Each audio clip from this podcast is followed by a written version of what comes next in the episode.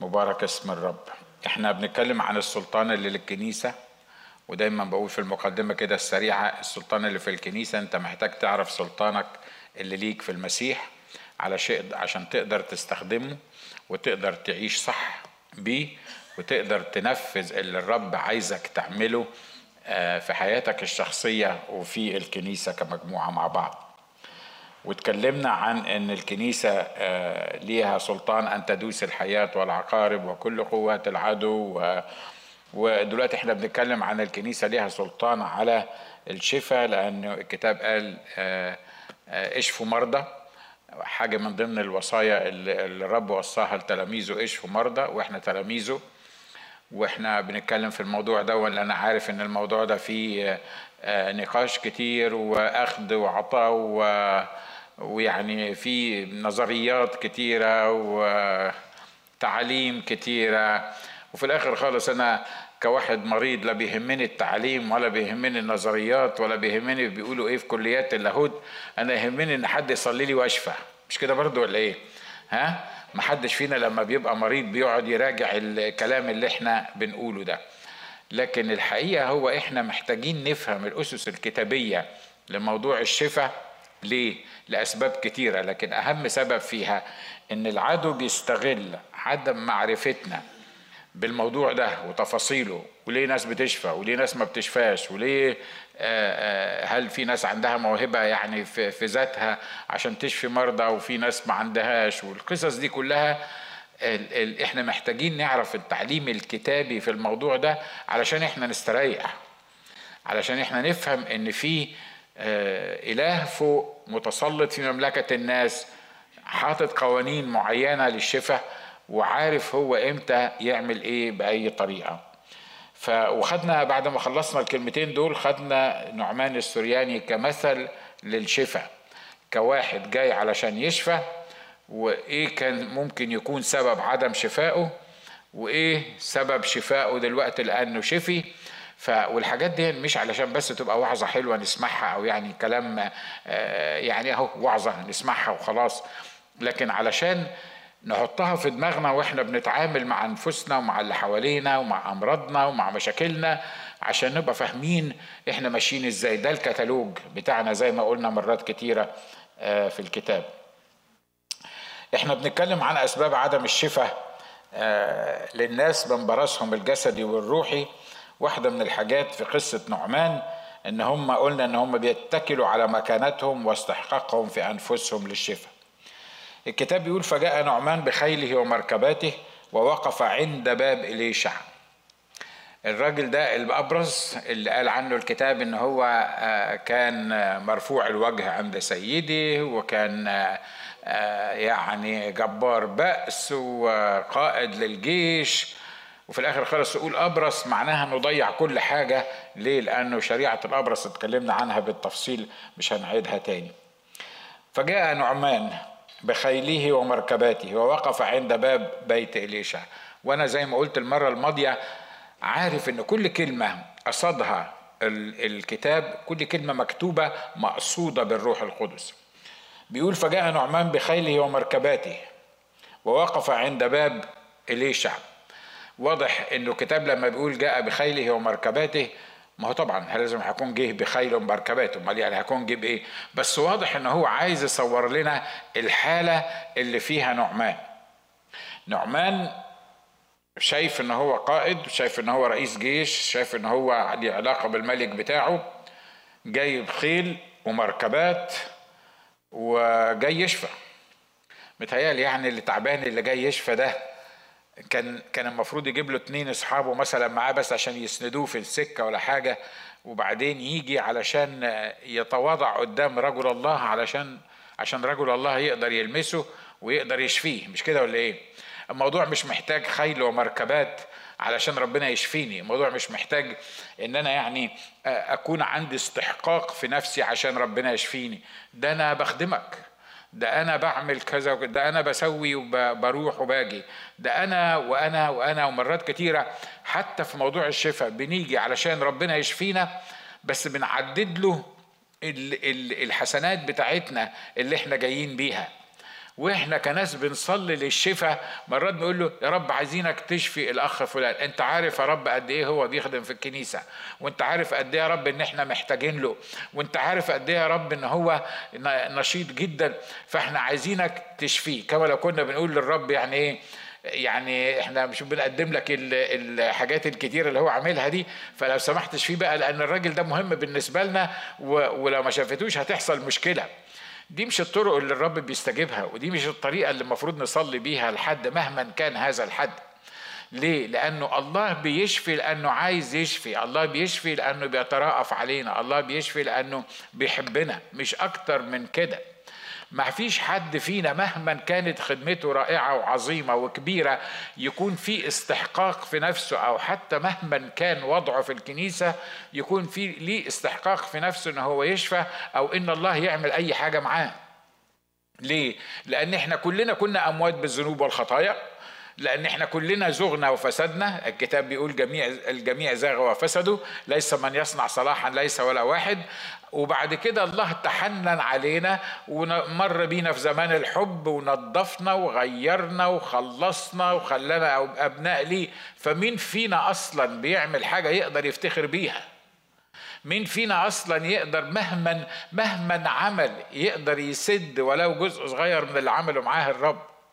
مين فينا يقدر يقف قدام الرب ويفتخر بإمكانياته أو يفتخر بعمله أو يفتخر بوظيفته أو يفتخر باستخدامه أو يفتخر بالمواهب بتاعته؟ لأن كلها جاية منه هو كلها جاية من الرب. فعشان كده ما حدش فينا يقدر يفتخر الكتاب قال من يفتخر فليفتخر بالرب دي الحاجة الوحيدة اللي إحنا من حقنا نفتخر بيها. أنا بفتخر بيه لأنه مر بيا أنا الخاطئ الشرير المجرم في زمان الحب وحبني وفداني وخلصني وأقامني معه وأجلسني معه في السماويات. دي الحاجة الوحيدة اللي أنا أقدر أفتخر بيها. وأفتخر بيها قدام الناس اللي في الأرض وقدام الشياطين وقدام السماء. ليه؟ لأنه لأنه اختارني. في المسيح قبل تأسيس العالم.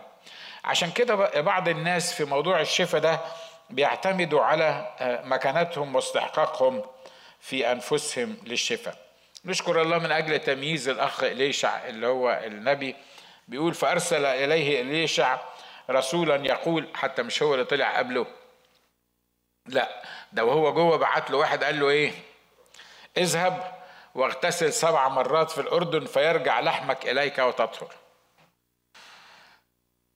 ده ده رئيس جيش ده راجل سياسي ده راجل عسكري ده راجل محترم ده راجل كبير ده راجل مش عارف مين. زي ما اتفقنا عند الرب مفيش كبير وصغير. عند الرب مفيش كبير وصغير مفيش آه، آه، واحد خادم واحد مش خادم مفيش واحد عنده زنجين ولا معاه فلوس ولا ما معهوش فلوس. آه، القصص دي كلها في دماغاتنا إحنا كبشر. لكن عند الرب لأن إحنا خليقة الله فإحنا متساويين في كل حاجة. لما تحب تعمل نفسك فريد أو مميز عند الرب بسبب أي حاجة بتعملها سواء كان بخدمتك أو سواء كان بعطائك أو سواء كان بفلوسك أو أو بأي شيء مش هتاخد إلا الطريقة دي في المعاملة من المؤمنين الحقيقيين اللي فاهمين إزاي يتعاملوا مع الناس بالروح القدس. فهو عايز يعمل إيه؟ الموضوع مش مجرد شفاء جسدي. لأن ياما ناس بتشفى جسديا لكن ده ما بيشفاش. ياما ناس الله بيعمل معاها معجزات لكن ده ما بيتغيرش. ياما ناس الله بيمد ليها ايد ايد العون في في وقت بتبقى أحوج الكل إليه وبيعمل فعلا في حياتهم معجزات. لكن بعد المعجزة ما تخلص يمكن ينسوا يقولوا له متشكرين. يمكن ينسوا يقولوا للرب متشكرين. مش هو عمل كده مع العشرة البرص اللي جوله؟ ها؟ وقال لهم اذهبوا أروى أنفسكم للكهنة. الكتاب بيقول وفيما هم منطلقون العشرة طهروا العشرة شفيوا. كم واحد فكر يرجع ليه ويقول له متشكر علشان أنت شافتني؟ واحد بس. والرق على فكرة الكتاب بيذكر إنه كان غريب الجنس كمان. يعني ما كانش من رعية إسرائيل ما كانش من من من من اليهود. هو اللي رجع بس علشان يشكر السيد ما تلومش العشر التسعة التانيين اللي ماشيين عشان إحنا مرات كتيرة بنعمل زيه مش كده ولا إيه؟ ها؟ مرات يمكن قلت الكلام ده قبل كده مرات لما تحصل معايا حاجة كويسة يعني كل حاجة كويسة نشكر الله بس يعني تحصل حاجة كده و... و... وتبقى حاجة فعلا فرحتني صدن لكده اتصل بالتليفون أماني شفتي مش عارف حصل كذا ونشكر الرب مش عارف مين آه، أندي مش عارف إيه تيمي مش عارف إيه. بعد ربع ساعة أكتشف إن أنا شكرت الناس كلها مع إن أول واحد أنت بتعمل زي كده ولا أنا بس الخايب الوحيد؟ لو في حد خايب تاني زي يرفع إيده. آه طبعا أنتوا كلكم زي العسل ها؟ بس أنا بتكلم عن نفسي يعني. فبعد نص ساعة بعد الموضوع كله ما يخلص أفتكر الله. طب ده أنا شكرت اللي راح واللي جه واللي في الولايات التانية واللي وعملت بيج ديل ونسيت الشخص اللي المفروض أول واحد أقول له متشكر. نسيت أقول له متشكر هو. بتحصل معانا وبتحصل معانا كتير.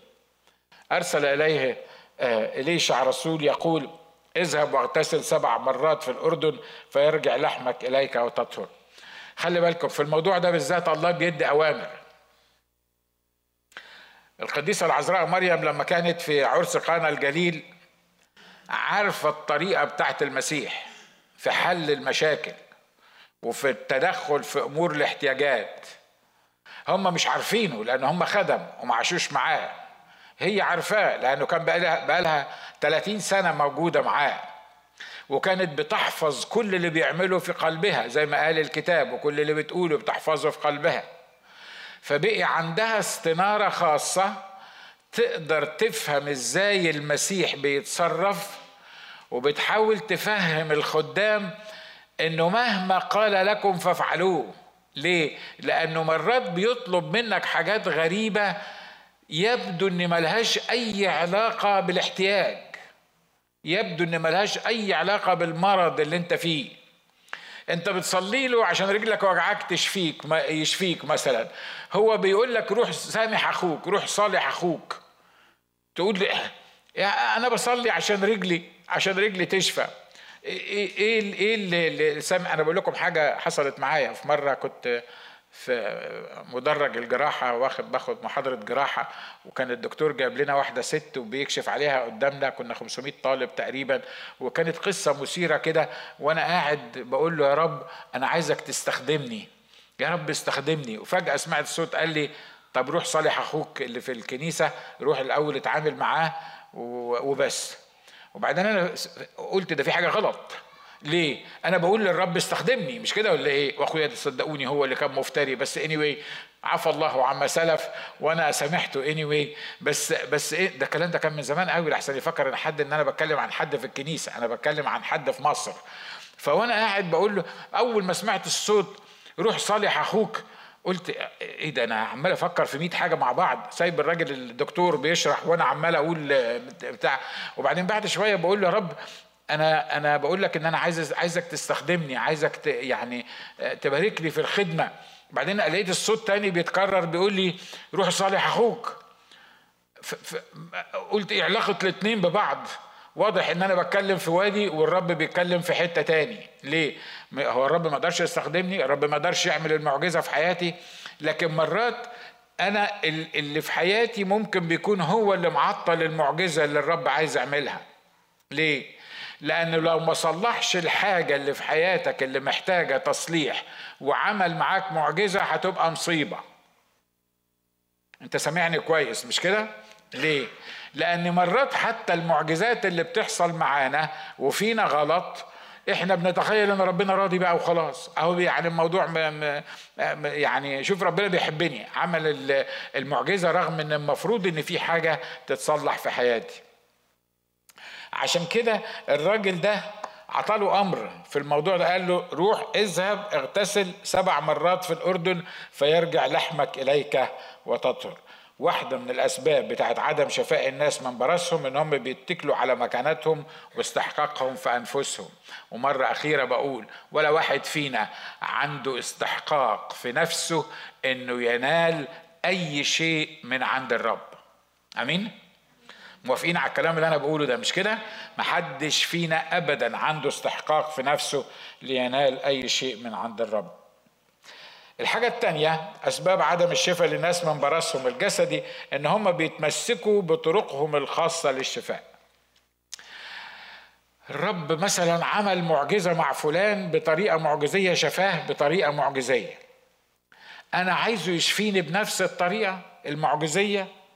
وفي نفس بنفس الكيفية لأنه مين فينا عايز يروح للدكتور؟ يعني مين فينا بيحب قوي إن هو آه، يروح للدكتور؟ متهيألي محدش مش كده؟ حتى لو كنت رايح تقول له صباح الخير أنت أصلا مش عايز تخش العيادة ومش عايز تشوف وشه بس الزمن هو اللي أو حالتك الصحية هي اللي أجبرتك على إنك أنت تروح هناك. فاحنا عايزين كلنا نعمل إيه؟ نصلي عشان ربنا يشفينا أو حد يصلي لنا عشان ربنا يشفينا والشفاء يحصل على طول في نفس الوقت. وبعدين اقارن نفسي بالاخرين. مش هو ناجي كان عيان برضه وكان هيموت وانت لمسته وشفيته وهو نايم على السرير بتاعه من غير ما ياخد دواء من غير ما يروح لدكتور ومن غير ما يعمل اي حاجة. اشمعنى أنا أجي عملت معاه كده وأنا مش عايز تعمل معايا كده؟ وهو في منتهى البساطة ممكن يكون عايز يعمل أمور كتيرة في حياتي قبل ما أوصل أنا لمرحلة الشفاء. ليه؟ لاني مرة تاني بقول لك الله ما يهموش بس إنه يشفيني. الله يهمه كياني كله حياتي الروحية والجسدية وأعمالي واللي أنا بفكر فيه والأتموسفير اللي حواليا. الله عايز يصلحني. من القصة اللي إحنا بنقول عليها دي اللي إحنا بنتكلم فيها. الله عايز يفهم نعمان ده إن مش بإمكانياتك ولا بقوتك هشفيك. مش لأنك رئيس جيش أنا هشفيك.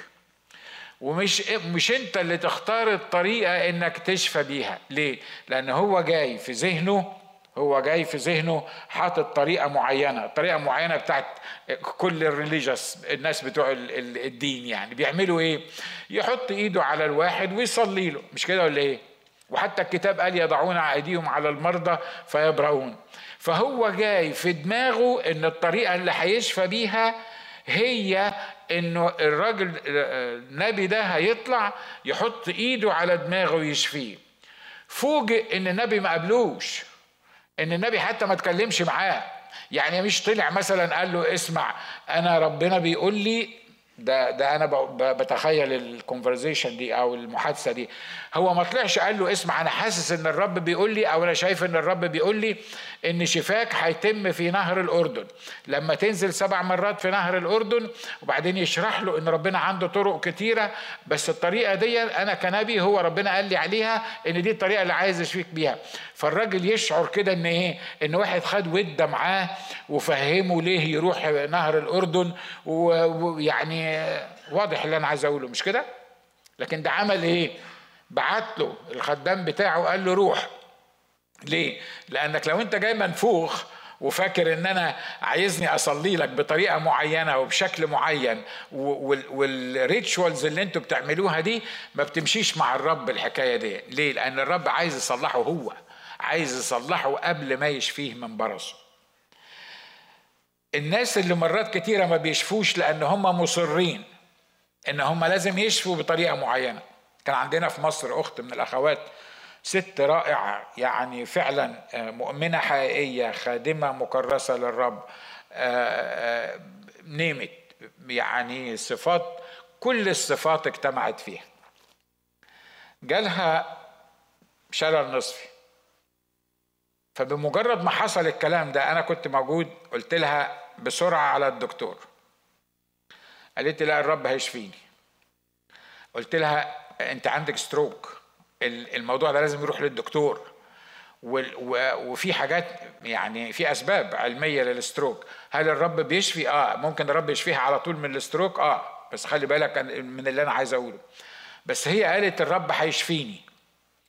قلت لها ما هو الرب ممكن يشفيكي من خلال الدكتور. قالت لي لا الرب هيشفيني أنا مش هروح الدكتور لغاية ما أموت.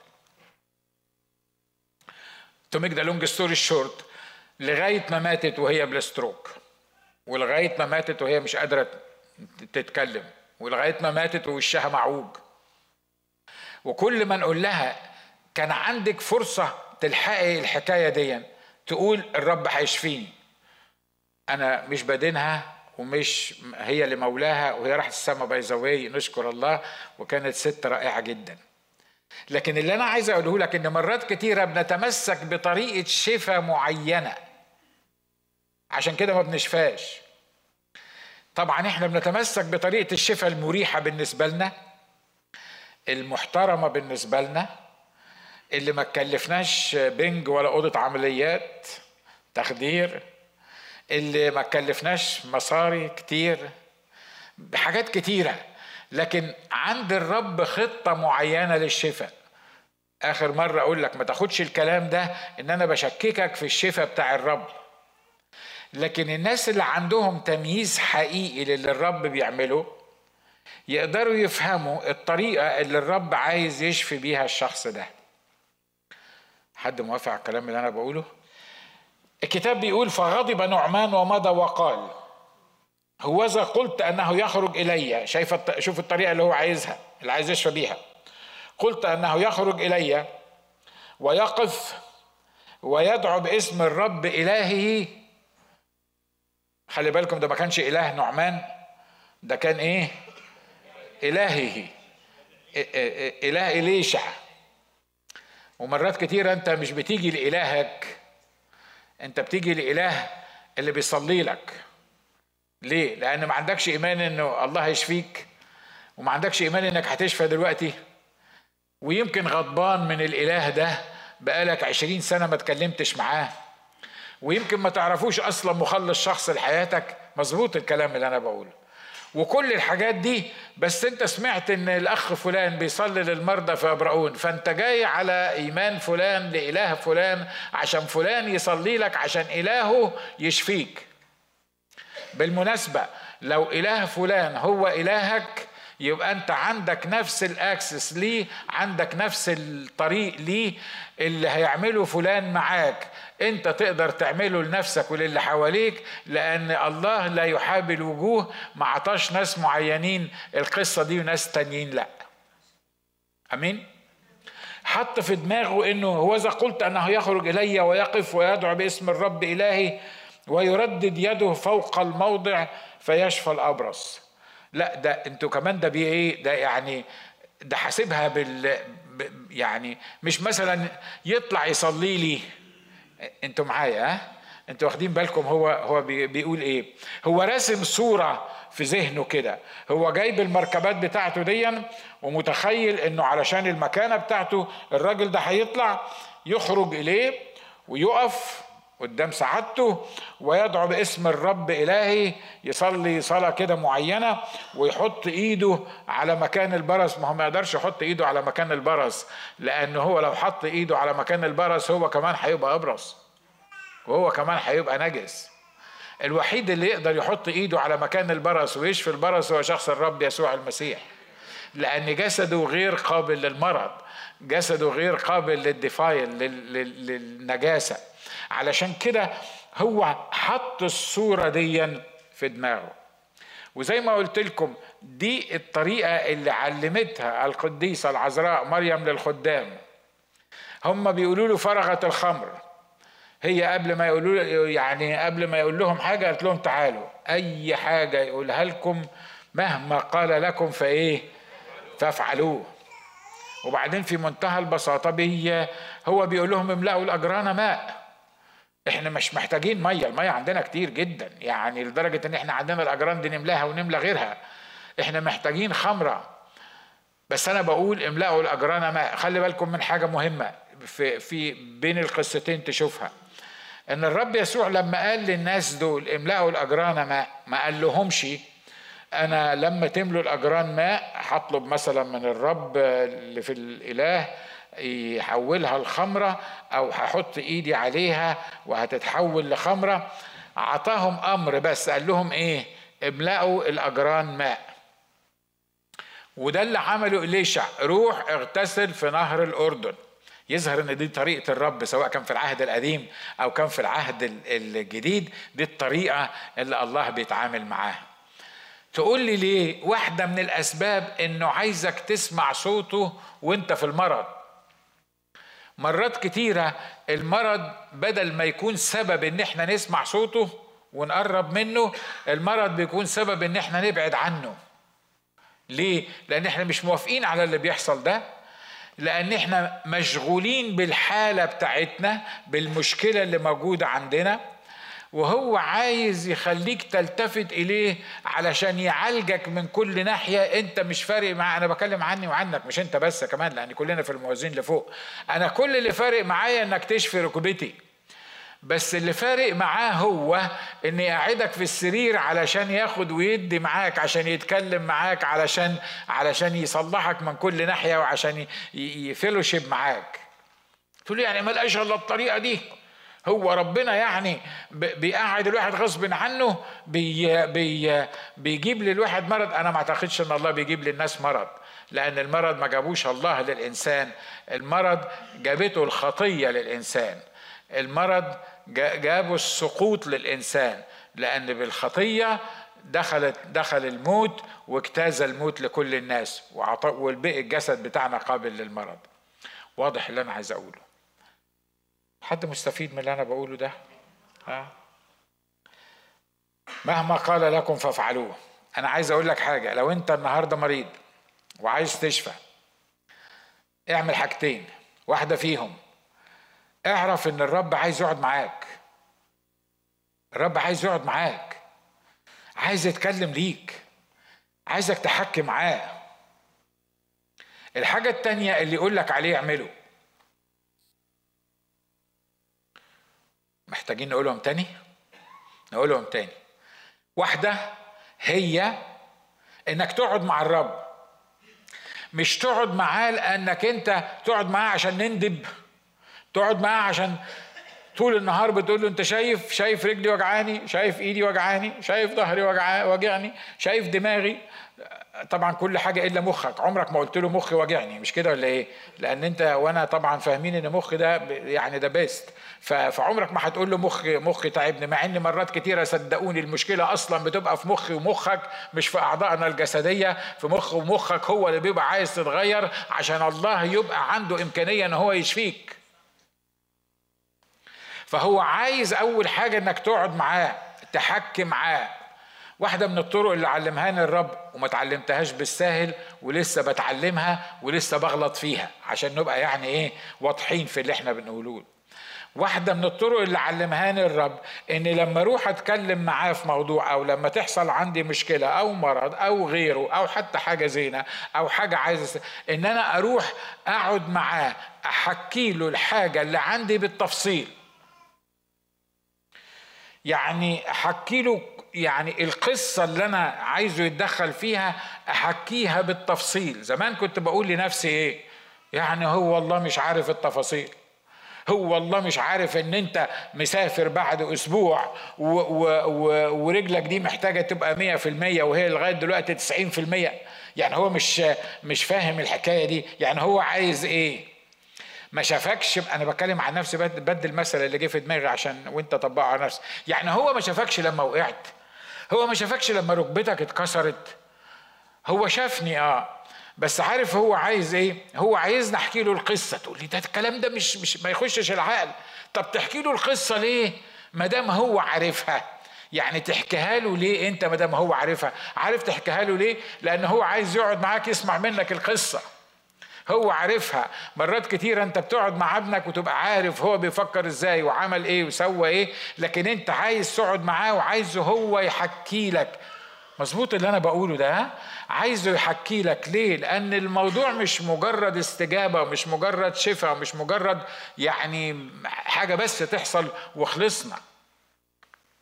أحكي لك اختبار في الموضوع ده. حكيته قبل كده أكتر من مرة بس يمكن يعرفوه الناس اللي ليهم سنين معايا. في يوم من الأيام هعملها هعملها في برشامه صغيرة. Anyway كنت في الجيش رحت المستشفى لأني تعبت جاني ساينس آه، مستشفى غير المستشفى اللي أنا كنت بخدم فيها. أنا كنت دكتور في الجيش وبعدين آه، أعطوني أسبوع أجازة.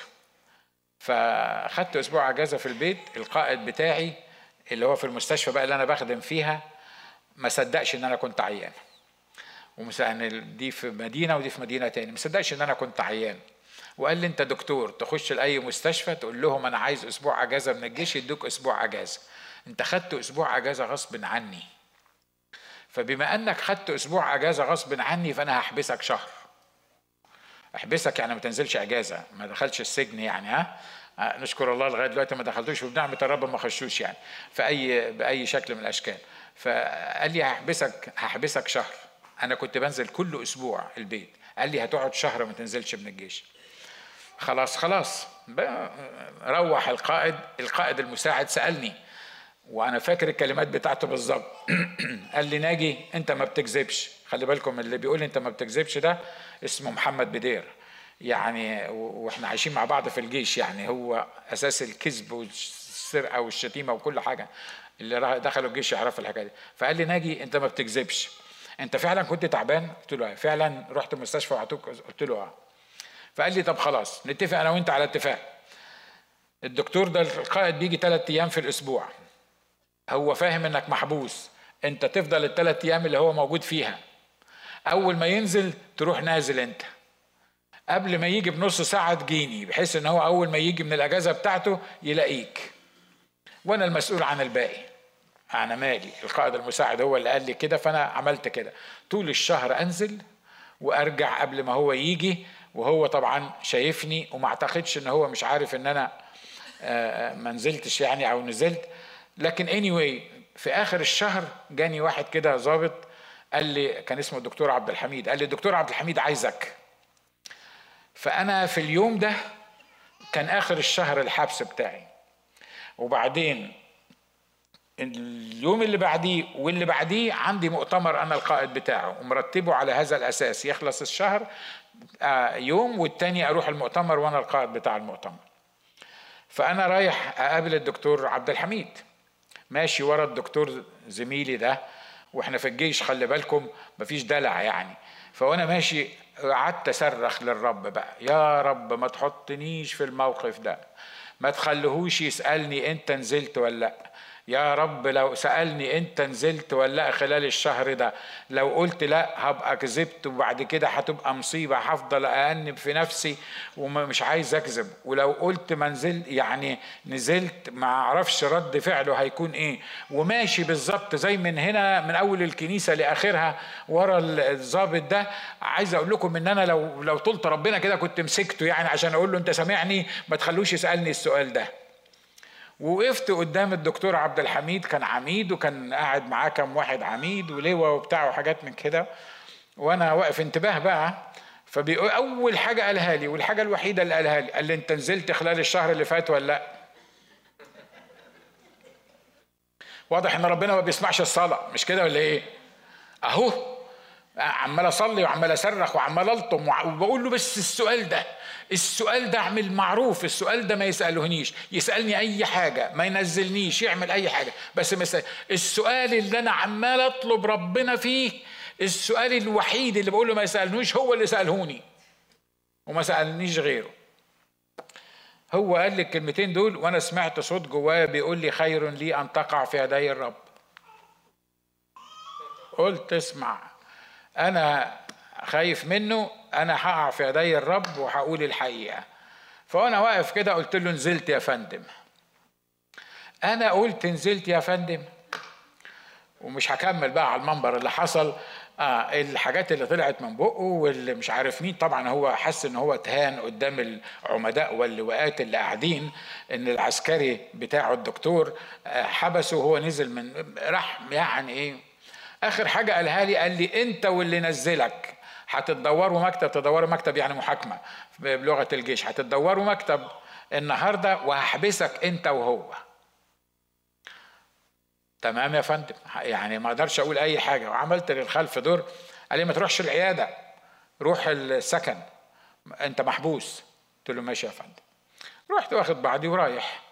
وأنا لما دخلت الأوضة بتاعتي قعدت عاتب الرب. بكده برضه. يعني بطلب منك طلب واحد إنه ما يسألنيش السؤال ده. يعني يعني هو السؤال ده اللي تخليه يسألهوني. هو كل اللي أنا صليته لك ده ما, ما سمعتوش. هو اللي أنا اللي أنا طب ده أنا عايز أعمل كده عشان أنا عايز أكرمك مش عايز أكذب. مش يعني أنا أعمل أنا مش عايز أكذب. وأنت تخلي الراجل يسألني السؤال. أنت مش متسلط في مملكة. حد فيكم بيعمل كده مع ربنا لما يحصل حاجة؟ ولا أنا بس الوحش. لا نشكر الله في أعتقد إن في ناس زي يعني فانت فين؟ أنت أنت طب رحت أنام من كتر الضغط ما عالي عندي. لقيت نفسي وده اللي علمني إزاي أتعامل مع الرب في الحكاية دي. لقيت نفسي قلت اسمع أنا وقعت في بين إيدين الرب وأشرح للرب اللي حصل. قلت له يا رب أنا كنت في مصر في القاهرة يعني وعييت ورحت المستشفى الفلانية وقابلت الدكتور الفلاني. ما أنا محبوس بقى ففاضي فبحكي. ورحت قابلت الدكتور الفلاني وأنت تعرف إن أنا الساينس بتاعتي كانت تعباني وهم هم اللي قالوا لي إنك المفروض ما تروحش الجيش وعطوني أسبوع. فضلت أحكي للرب يعني بالتفاصيل المملة. وفجأة وأنا بحكي كده سمعت صوت بيقول لي طب أنت عايز إيه؟ عمرك سمعت الصوت ده من الرب؟ سألك أنت عايز إيه؟ متهيألي متهيألي مرات مر يعني كتير مننا بيسمعوا الحكاية دي حتى لو ما كانش بالطريقة اللي أنا بتكلم بيها. أنا عايز أقول لك حاجة لما تحكي للرب بالتفصيل لا يمكن يقفل الباب في وشك ولا يمكن يطنشك ولا يمكن ما يردش عليك ولا يمكن ما يبقاش في حديث بينك وبينه. حد يقول آمين. أنا لما قال لي كده الحقيقة ما كنتش مستعد. إن أنا عايز إيه. لكن لقيت نفسي بقول له كده. قلت له اسمع يا رب أنا ابنك. وأنا ما عملتش حاجة غلط.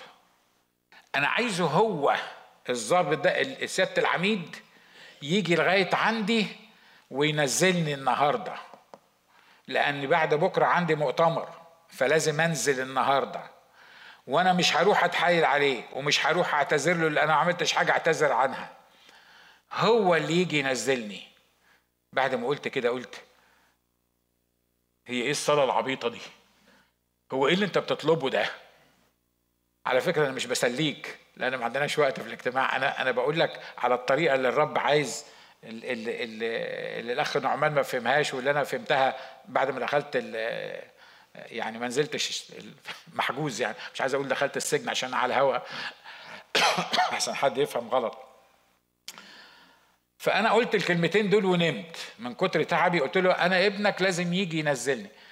بعد يمكن ثلاث ساعات صحيت. محبوس بقى ما حاجة أعملها ومستني الدكتور المساعد اللي نزلني ده عشان اتحبس تاني مع بعض. فلبست البلطو بتاعي كده وطلعت المستشفى ومستشفى فيها ورود وجناين ومش عارف مين وبتاع. وخدت كرسي كده وقعدت. و... و... وأنا حاطط دماغي في الأرض كده وعمال أفكر في المؤتمر وبعد بكرة المؤتمر طب لو ما نزلتش إيه اللي هيحصل؟ طب لو في كده يعني. وفجأة لقيت خيال جاي ناحيتي. فبرفع وشي كده لقيت سيادة القائد واقف فوق دماغي. وبعدين طبعا اول ما جه فانا وقفت قال لي هي سناجي مش تبطل تعمل الحركات دي أنا ما أعرفش حركات إيه اللي هو بيتكلم عليها بس أنا قلت له كل اللي أنا قلته حاضر يا فندم. قال لي روح لم الهدوم بتاعتك وانزل أجازة النهارده لمدة سبعة أيام. تقول لي طب وليه اللفة دي بقى؟ وليه اللفة وليه القصة وليه الحبسة وليه تت... ت... أنا بعبر عن اللي جواك مش كده؟ ها؟ ممكن تفكر بالطريقة دي. ليه اللفة يعني وليه الحبس وليه وليه تصلي له ما يسمعكش؟ وبعدين ليه تروح تقف قدام القائد يسألك السؤال اللي أنت بتصلي عشان ربنا ما ي... ما يخلوش يسألك؟ وبعدين لما يسألك تجاوب وبعدين يقول لك هتتحبس تاني وبعدين تروح ضغطك يعلى وبعدين تروح تنام وبعدين أنت فاكر إنك محبوس. هو ليه ربنا ما بياخدهاش من قصرها واللي بنقوله يعمله عارف ليه؟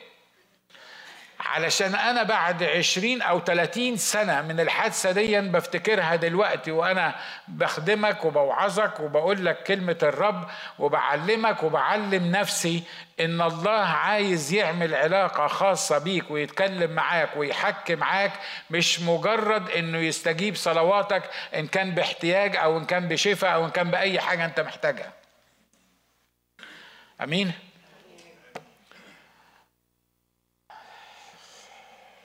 حاجة كمان. من أسباب عدم الشفاء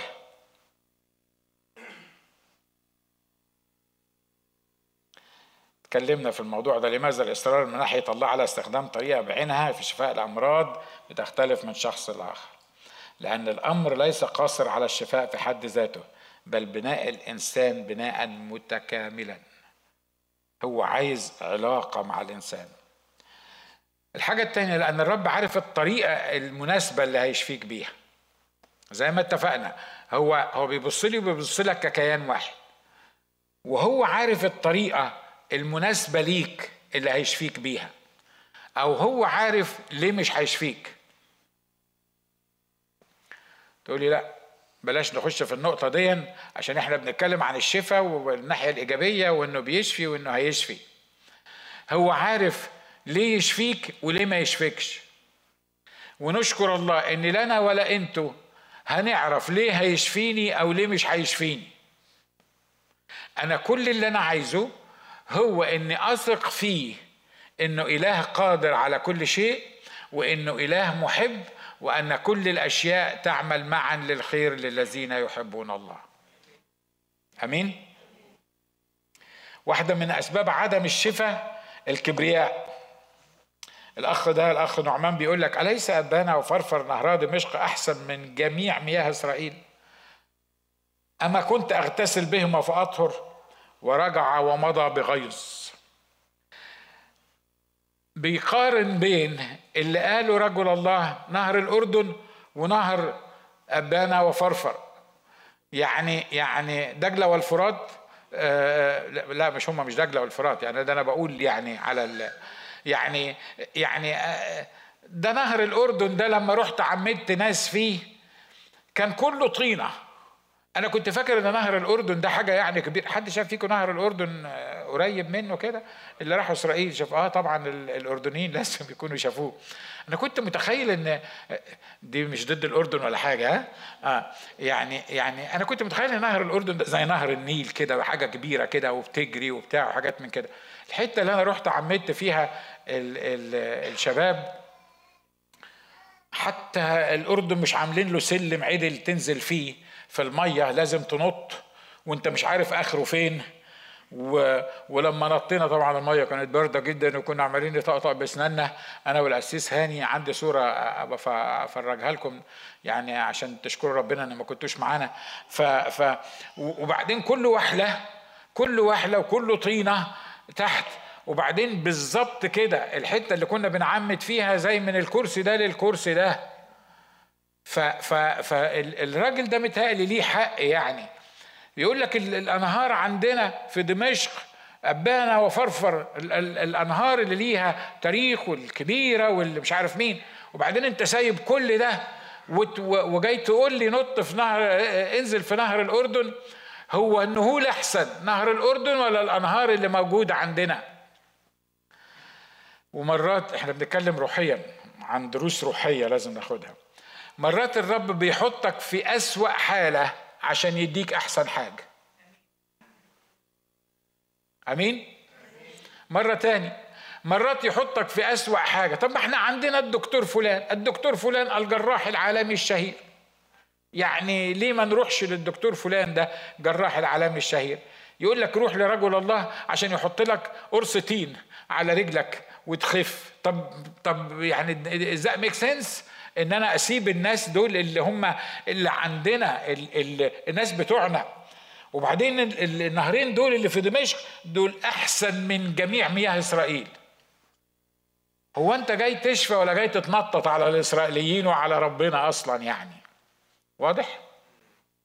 مرات كتيره بنبقى عايزين عايزين الشفاء بس عايزينه بطريقتنا لأن لأنه يعني برضو يعني لازم الطريقة تتناسب مع مع الشخصية مش كده ولا إيه؟ يعني لو كان راجل فقير ولا بتاع ولا راجل بتلحس جروحه الكلاب يعني أقول له كلمتين هيشفى يشفى ما يشفاش هو حر. لكن الراجل المحترم الكبير ده مش معقولة يعني تبعت له كده وتقول له روح يعني روح أنتوا واخدين بالكم إن مرات كتيرة عدم الشفاء بتاعنا لأن إحنا مش مركزين في النقطة اللي الله عايز يعملها معانا. مرة تاني مرات عدم الشفاء بتاعنا رغم إن لينا سلطان إن إن إحنا نضع أيدينا على المرضى فيبرؤون. إحنا مش مركزين في النقطة اللي الله عايز يصلحها فينا إحنا مركزين في اللي إحنا شايفينه واللي إحنا لامسينه والطريقة اللي الرب هيشفي بيها. الكبرياء واحد من أعظم الأمور اللي بتقف بتمنع إيد الله عن إنه يشفينا. ليه؟ لأن عايز الله يتعامل لما في الشفاء بتاعي يتعامل مع الدكتور ناجي مش يتعامل مع ناجي اللي هو خلقه من طين أصلا واللي هو فداه واللي هو خلصه. لا يتعامل معايا أنا بالطريقة اللي أنا أشوفها ليه؟ لأن أنا يا إخوانا أنا أنا ما يصحش أنا مش أي حد. مش كده ولا إيه؟ مش هو ده اللي إحنا مرات كتيرة بنفكر فيه؟ بيقول لك ورجع ومضى بغيظ. طب متغاظ من إيه؟ يعني أنا عايز أفهم الراجل ده متغاظ من إيه؟ عارفين الراجل ده متغاظ من إيه؟ لأن الخطة اللي في دماغه ما حصلتش. واضح؟ ما هو يا يعمل اللي في دماغي يا إما اتغاظ منه. في حد متغاظ من ربنا أو بيتغاظ من ربنا؟ إيه كتير كتير. إحنا بنقول لأ لكن حقيقة يعني ما اعتقدش ان في واحد من اللي قاعدين قدامي including myself ان ما ما غزناش منه من بشكل أو بآخر في وقت أو بآخر. ولو مش مصدقني بعد الاجتماع هثبت لك انك انك اتغصت منه بشكل أو بآخر.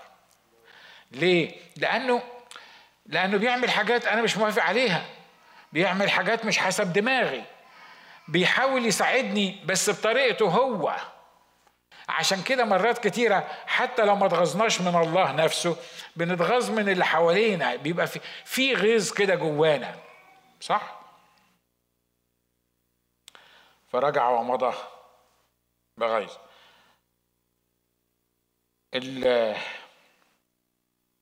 الراجل ده وقف في نص الطريق وما استكملش اللي الرب عايز يعمله معاه. ويل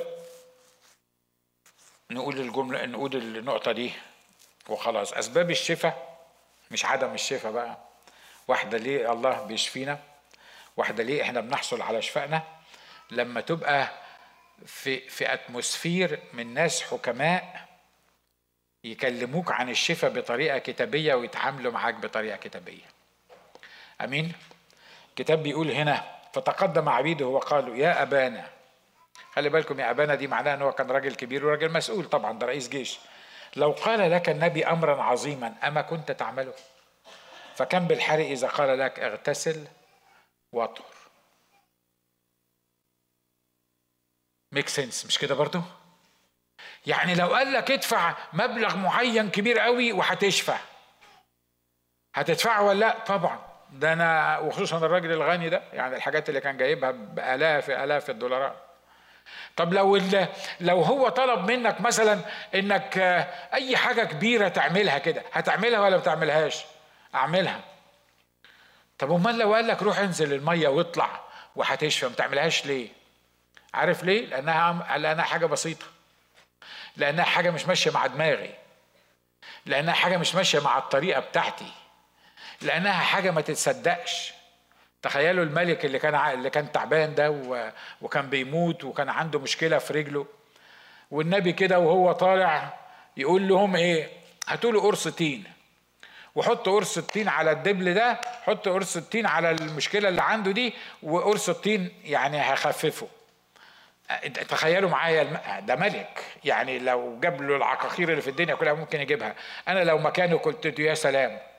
يعني إحنا كنا مستنيين بس للفتوى بتاعتك دي إن هو قرص تين نحطه على مكان الورم دون ولا ويشفى. يعني منين جبت الفكرة دي؟ عايز أقول لك حاجة مرات كتيرة الله بيستخدم حاجات أنت ما تتخيلش إنها ممكن تحل المشكلة بتاعتك حاجات بسيطة جدا جدا جدا لدرجة إن لما يقول لك اعملها أنت ما تصدقش إن دي هتحل المشكلة بتاعتك لكن لما بتعملها المشكلة بتاعتك بتتحل. والمرض بتاعك بيشفى. ونشكر الله من أجل الحكماء اللي موجودين. الجماعة اللي حواليه دول فيهم واحد ودايما by the way دايما في المواقف المختلفة في أمور كتيرة في الكتاب بعد ما اترفض رفض واحد إنه يعمل حاجة معينة يطلع واحد بس حكيم واحد عنده حكمة. واحد بس يقول كلمة يغير الأتموسفير كله. عشان كده لما أكون في احتياج ولما تكون في مرض حاول تلزق في ناس حكماء.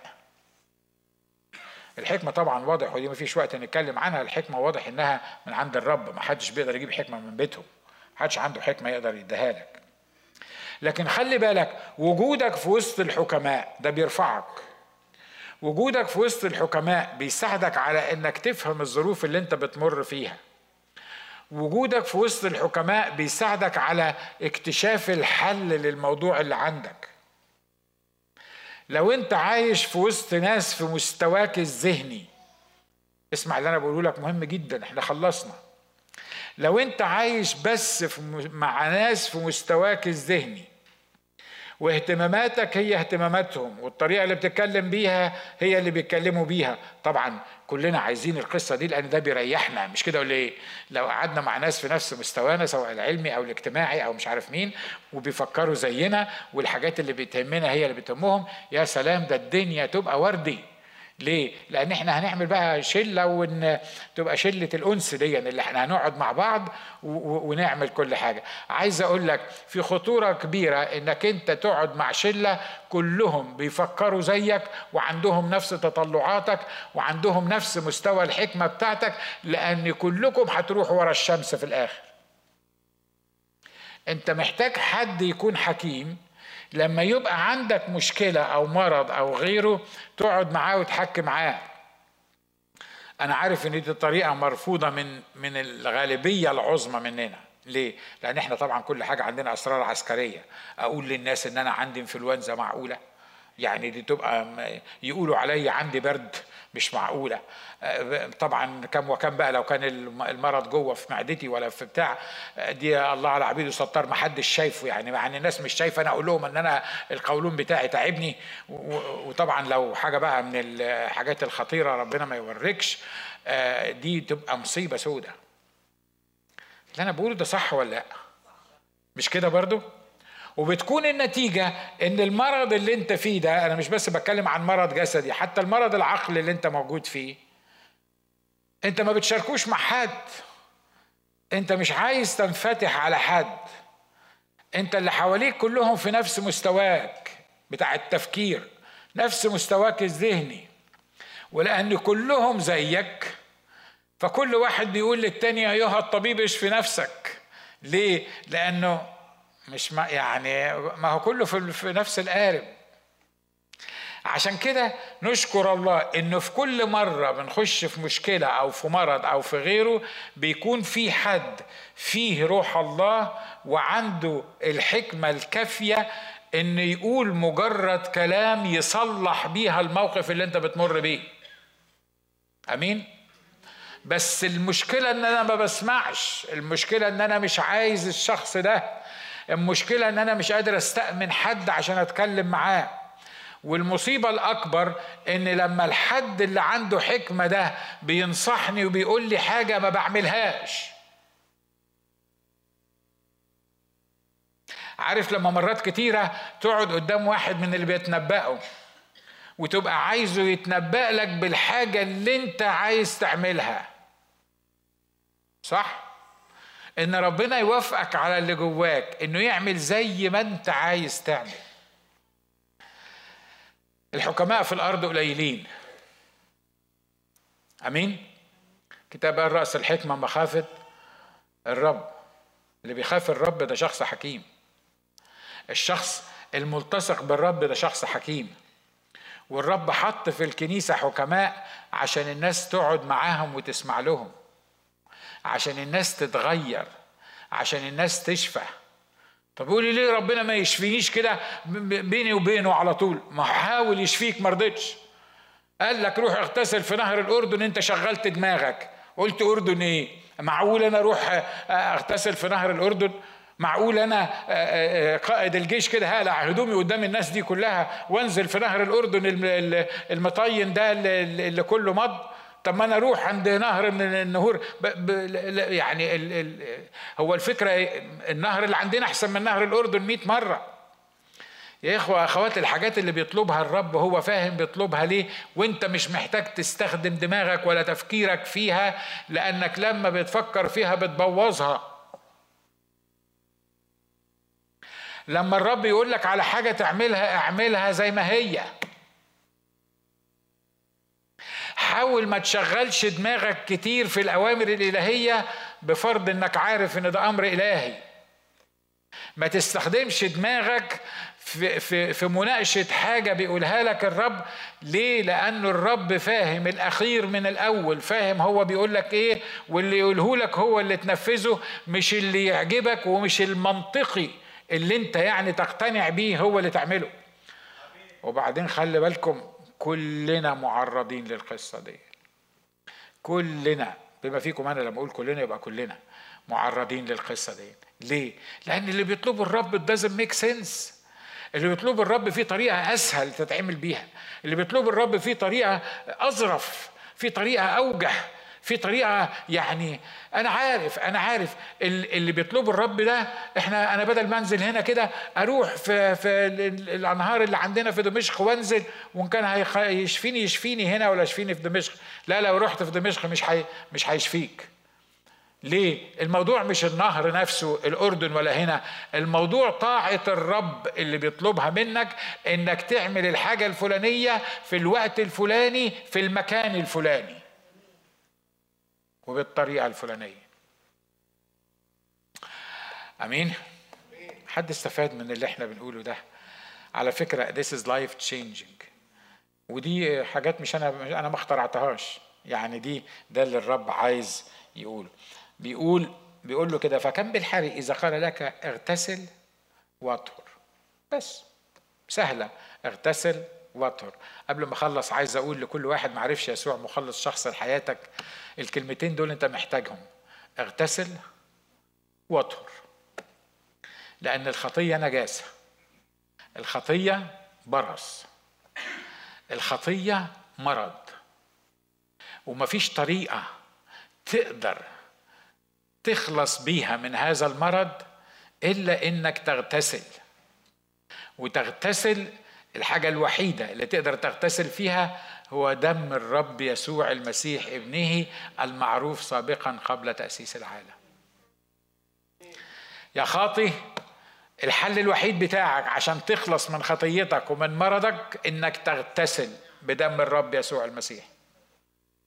تقول لي بقى زي الراجل ده ما هو زي ما قال ابانا وفرفر ومش عارف مين ده أنا بعمل ده أنا باجي الكنيسة ده أنا بدفع عشور ده أنا آه، برنم ده أنا بوعظ ده أنا مش عارف بعمل إيه. كل الحاجات دي زي ما عمل الأخ ده. زي ما عمل عم نعمان دون هو بيقارن بين الأمور اللي بيعملها واللي يقدر يعملها واللي طلبوا من الله. الله طالب حاجة واحدة بس لا طالب منك تدفع في الكنيسة ولا طالب منك تخدم في الكنيسة ولا طالب منك تحضر اجتماعات الكنيسة. الرب طالب منك حاجة واحدة بس تديله قلبك. النجس يغسله بدم الرب يسوع المسيح. تعالوا نحن رؤوسنا ونصلي. قول يا رب أشكرك لأجل دم يسوع المسيح ابنه الذي يطهر من كل خطية. أشكرك لأجل الدم اللي بيغسل. أشكرك لأجل الدم اللي بيطهر. إن كانت مية الأردن حسب إرادتك ومشيئتك طهرت الأبرص في الجسد من هذا المرض الشرير. فكم بالحري دم الرب يسوع المسيح.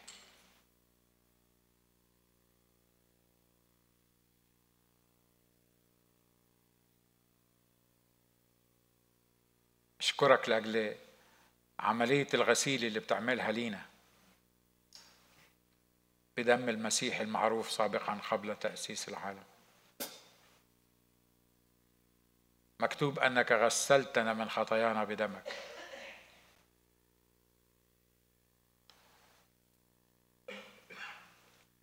أشكرك لأجل إمكانية التطهير. بصلي لأجل كل خاطي بيسمعنا دلوقتي. إن يجي لجلالك ويطلب تطهير حقيقي لحياته.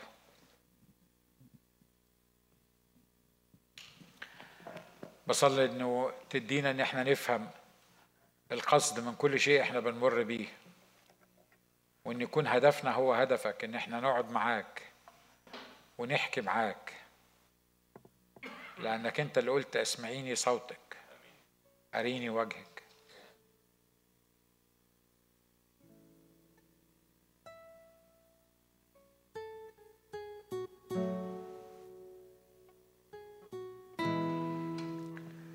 لو لسه بتعرفش يسوع مخلص شخص لحياتك حتى لغاية دلوقتي سواء كنت في الكنيسة هنا أو كنت على الهوا.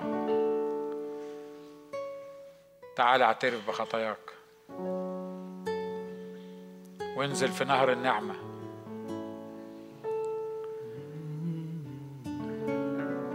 وسيب دم الرب يسوع المسيح يطهرك من كل خطية.